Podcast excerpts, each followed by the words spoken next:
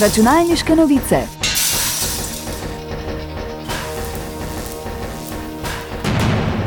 Prisluhnite novostim in zanimivostim z področja računalništva.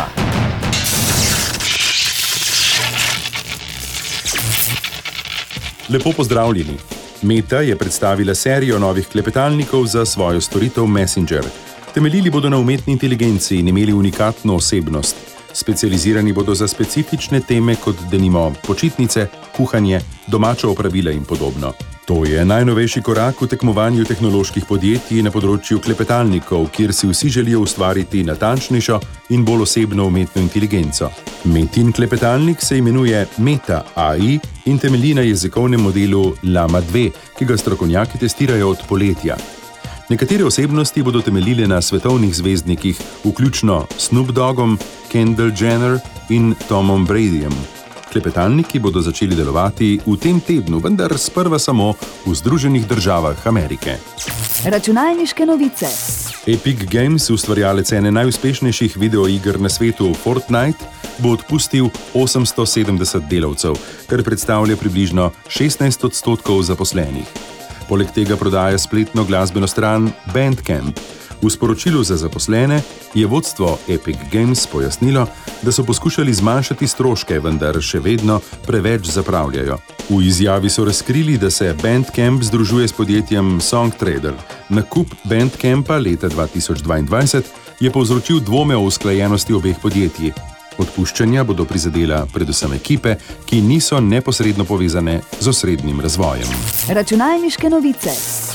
Ameriška nacionalna varnostna agencija NSA ustanavlja poseben center za varnost, ki bo za obrambo primarno uporabljal umetno inteligenco. Ameriška vlada tudi sicer v obrambnih in obveščevalnih sistemih vse bolj uporablja umetno inteligenco. Novi center bo skrbel za zaščito teh sistemov pred krajo in sabotažo ter pred zunanjimi grožnjami, ki temelijo na umetni inteligenci. Direktor NSA je sporočil, da bo nov oddelek deloval pod okriljem že obstoječega centra za sodelovanje na področju kibernetske varnosti. Ta sodeluje z zasebnim sektorjem in mednarodnimi partnerji za zaščito Združenih držav Amerike pred kibernetskimi napadi. Agencija je nedavno opozorila na kitajske hekerje, ki napadajo vladne in industrijske subjekte. Računalniške novice. OpenAI, ki ga podpira Microsoft in stvaritelj klepetalnika ChatGPT, je potrdil, da lahko njihova storitev zdaj brska po aktualnih informacijah spleta. Sistem, ki ga poganja umetna inteligenca, je bil prej usposobljen samo za uporabo podatkov do septembra 2021.